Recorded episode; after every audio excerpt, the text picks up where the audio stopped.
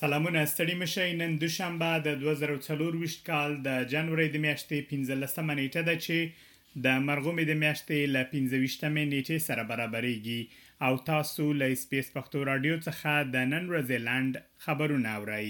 د پرت ښار په شمال کې د اور لګېدنو له امله لږ تر لږه یو کور ویجاړ شوی، د ډېریو خلکو ژوند او ملکیتونه تر ګواښ لاندې دي.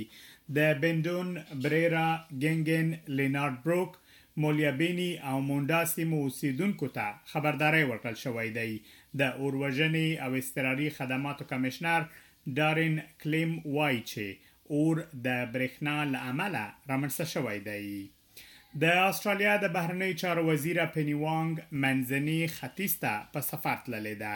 پیني وانګ به په روانه اونۍ کې د منځني ختیځ د لیدنې پر مهال د اسراییلو له هغو ښارونو څخه لیدنه ونه کړي چیرې چې د حماس بریدونه ترسره شوي دي.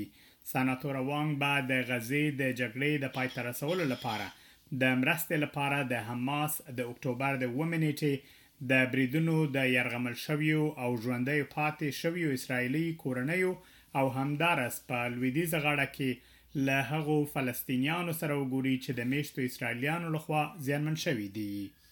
د اسټرالیا لومړی وزیر انتوني البنیزي وايي چې د لوړ عاید لرونکو اسټرالیانو په مالیې کې به کمښت رامنځته شي.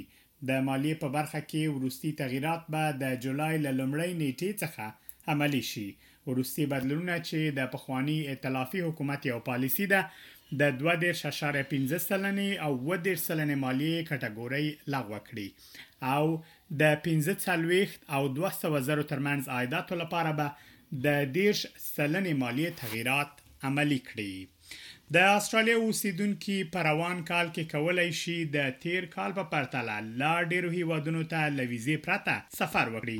د هنلي او پارټنرز ادارې له خوا خپاره شوي معلومات ښيي چې د اسټرالیا پاسپورټ لرونکي کسان کولای شي له ویزې پرته د نړۍ یو سل او نهه اتیا هېوادونو ته سفر وکړي، د هنلي بنسټ د پاسپورټونو په وروستۍ درجه بندۍ کې د جاپان، سنګاپور، جرمني، فرانسې، ایټالیا او اسپانیا پاسپورټونو لومړی ځای خپل کړی دی. د دغو هېوادونو پاسپورټ لرونکي کسان کولای شي د نړۍ یو سل او څلور نوي هېوادونو ته له ویزې پرته سفر وکړي.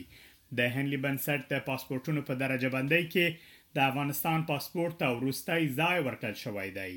دا هم یو سپورتي خبر، هند افغانستان ته په دویمه شل اوریزه لوبه کې هم په شپږو ویکټو ماته ورکړه. تېره شپه د افغانستان او هند لوبډلو ترمنځ دویمه شل اوریزه لوبه ترسره شوه. په یاده لوبه کې د افغانستان لوبډلې لومړی توپوهنه ترسره کړه او د هند لپاره یې یو سلو درې اویا منډې هدف وټاکه، مګر د هند لوبډلې دغه هدف په پنځلس اورونو او څلورو توپونو کې پوره کړ. د افغانستان او هند ترمنځ شل اوریزو لوبو لپاره له پیل مخکې د افغانستان کرکټ بورډ ویلي و چې د دغو لوبو لپاره پوره چمتووالی لري ټاکل شوی ترڅو د افغانستان او هند د ملي لوبډلو ترمنځ وروستۍ لوبه د روانې جنورۍ میاشتې په اوولسمه نیټه په بنګلور کې ترسره شي دا و د نن ورځې لنډ خبرونه چې ما مجیب منیب تاسو ته وړاندې کړل تر بیا مالا مل شه.